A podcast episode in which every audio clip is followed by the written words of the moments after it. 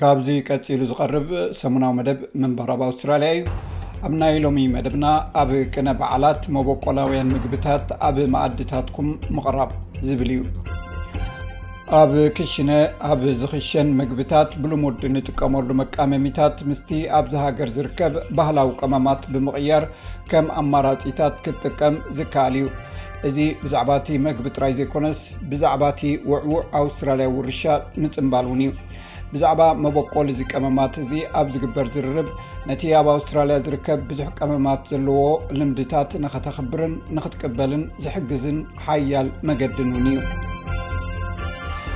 መበቆላውያን ቀመማት መግቢ ኣብዚ እዋን ጎሊሖም ዝዝረበሎም ዘሎን ኣብ ዕለታዊ መግብና ክውሰኹ ምርኣይ ዘይሕሰብ ዝነበረ ጉዳይ እዩ ዳሜን ኩልታርድ ካብ እንዳ ፍሊንደርስ ሬንጀርስ ዝመፀ ካብ ህዝብታት ኣድናማታናን ከምኡውን ፈርስት ኔሽንስ ፉድ ኮምፓኒን ን ዋራንጁማ ዝብል መፅሓፍ ምስ ካልኣዩ ዝፀሓፈ እዩ ንሱ ከም ዝብሎ ልክዕ ከምቲ ዝኾነ ናይ ምኽሻን ስራሕ ናይ ኣውስትራልያ መበቆላዊ ነገራት ብምጥቃም ናይ ምድህሳስን ምምርማርን ድልየት ዝሓትት እዩ።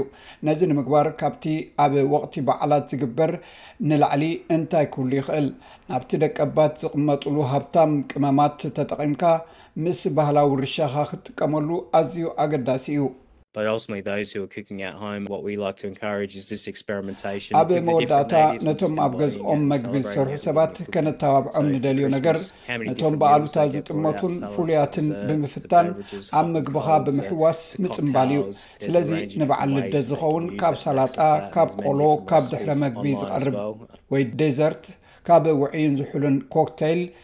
ክንደይ ዝተፈላለዩ ዓይነት መግቢ እዩ ዝቐርብ?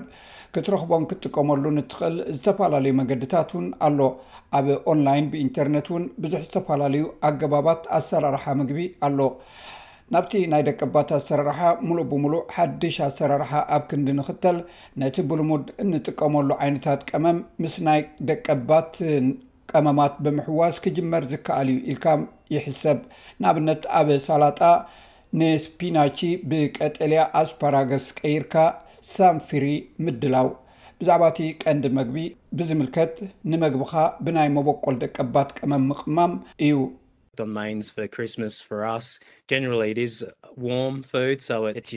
እቲ ቀንዲ ንበዓል ልደትና ዝዳሎ መግቢ ብሓፈሽኡ ውዑይ መግቢ እዩ።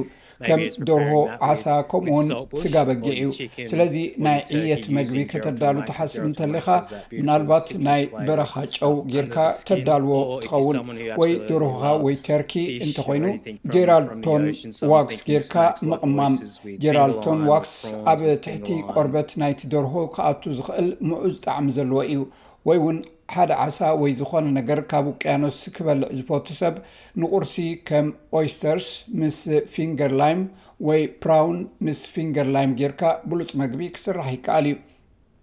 ሚናን ቡል ናይ ኤራቤላ ዶግላስ ሰበይቲ ኮይና መስራቲት ናይ ኩሪ ካንትሪ እያ።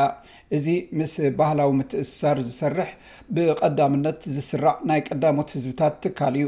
ንሳ ከም ትብሎ፣ ብዛዕባ ናይ ደቀባት ቀመማት ንምጥቃም ኣብ ግምት ከነእትዎ ዘሎና ሓደ ካብቲ ኣብ ፈለማ ንርእስና ክንሓቶ ዘሎና ሕቶ እውን ምስቲ ክረምቲ ወይ ሳመር ደቡባዊ ንፍቀ ክቢ ዝሰማማዕ እንታይ እዩ ዝብል እዩ።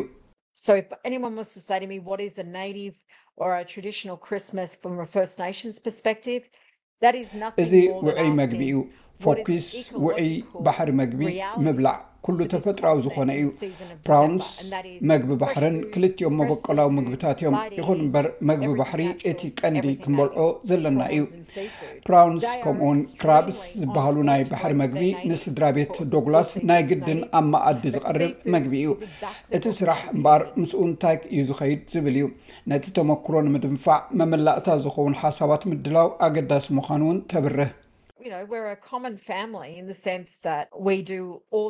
ከም ዓሳ፣ ናይ ባሕሪ መግብታት፣ ስጋን ኩሉ ዓይነታት ነግራት ብሓንቲ መዓልቲ እንገብሮ ስድራ ቤት ኢና። እንተኾነ ሓደ ኣገዳሲ ነገር እቲ ንጥቀመሉ ቀመም ብናይ መበቆላዊ ጥረ ነገር ከተእትወሉ ምግባር እዩ። ስለዚ ከምኡ ክንገብር ኢና እንጽዕር። ፓቭሎቫስ ኣብ ኣውስትራልያ ኣብ ወቕቲ ፈስቲቫላት ኣገዳሲ ቦታ ዘለዎ እዩ፣ ከምኡውን መበቆላውያን ቀመማት ንጥቀመሉ። ነፍሲ ወከፍ ሰብ ፓቭሎቫ ይፈቱ እዩ። ስትሮቤሪ ጋም ፓቭሎቫ ኣሎና፣ እቲ ክሪም ብፍረ ዋትል ይስራሕ፣ ስለዚ እንደገና ክልተ ደቀባት ቀመማት እዮም። ምስ ፍሩታ ሓዊስና ምስ ዝተፈላለዩ ባህላዊ ፍሩታታት እነቕርቦ እዩ። ባህላዊ እንብሎም ዕድሚኦም ሱሳ ሽሕ ዓመት ዝበፅሕ ክኾኑ ዝኽእሉ እዮም። ስለዚ ብዛዕባ እቲ ኳዶንግ ዳቪድሰን ፕላም ዝበሃል ዓይነት ገረብ እየ ዝሓስብ ዘለኹ። ድሕሪኡ ግን ናብቲ ምሳሕካ ከተእትዎ ትኽእል ኢኻ። ውዑይ ይኹን ዝሑል ብዘየገድስ መስተ ንኣጋይሽካ መበቆላዊ ጣዕሚ ንኸተርእዮም ቀጥታውን መሳጥን ኣጋጣሚ ከም ዝኸፍተልካ ዘይምርሳዕ። ፊንገርላይምስ ከምኡውን ዴቪድሰን ፕላምስ ድንቂ ዝኾኑ መመላእታ ንሶዳን ኮክቴልን ክኾኑ ከለዉ ሌሞን ማይርትል ከኣ ኣብ ቶኒክ ዝዓይነቶም መስተ ዝውሰኹ እዮም። መበቆላዊ ቀመማት ካልእ ኣብ ዝሕወስሉ እዋን ብዛዕባ መበቆላውነቶም ምምይያጥ እውን ኣገዳሲ እዩ።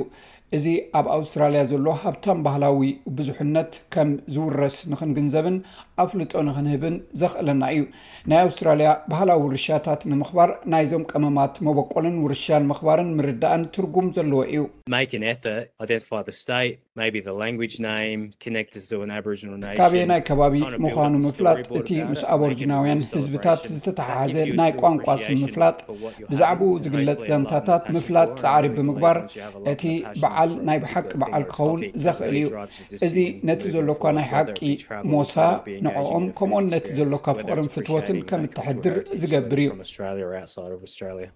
ንሓንሳብ ንሓደ ነገር ወይ ብዛዕባ ፍቕርን ባህግን ምስ ዝህልወካ፣ እዚ ውሳኔኻ ንቕድሚት ዘሰጉም፣ ዝገብሮ ወይ ድማ ጉዕዞ እዩ። ካብ ኣውስትራልያ ኹን ካብ ወፃኢ ኣብ ናይ መግቢ ተሞክሮ ምስታፍ ኣገዳሲ እዩ። ካልእ ኣብ ኣውስትራልያ ባህላዊ ውርሻታት ክንፅምብል እንኽእለሉ መገዲ መበቆላውያን ነገራት ምዕባይን ምምቓልን ምዃኑ ዶግላስ ይገልፅ።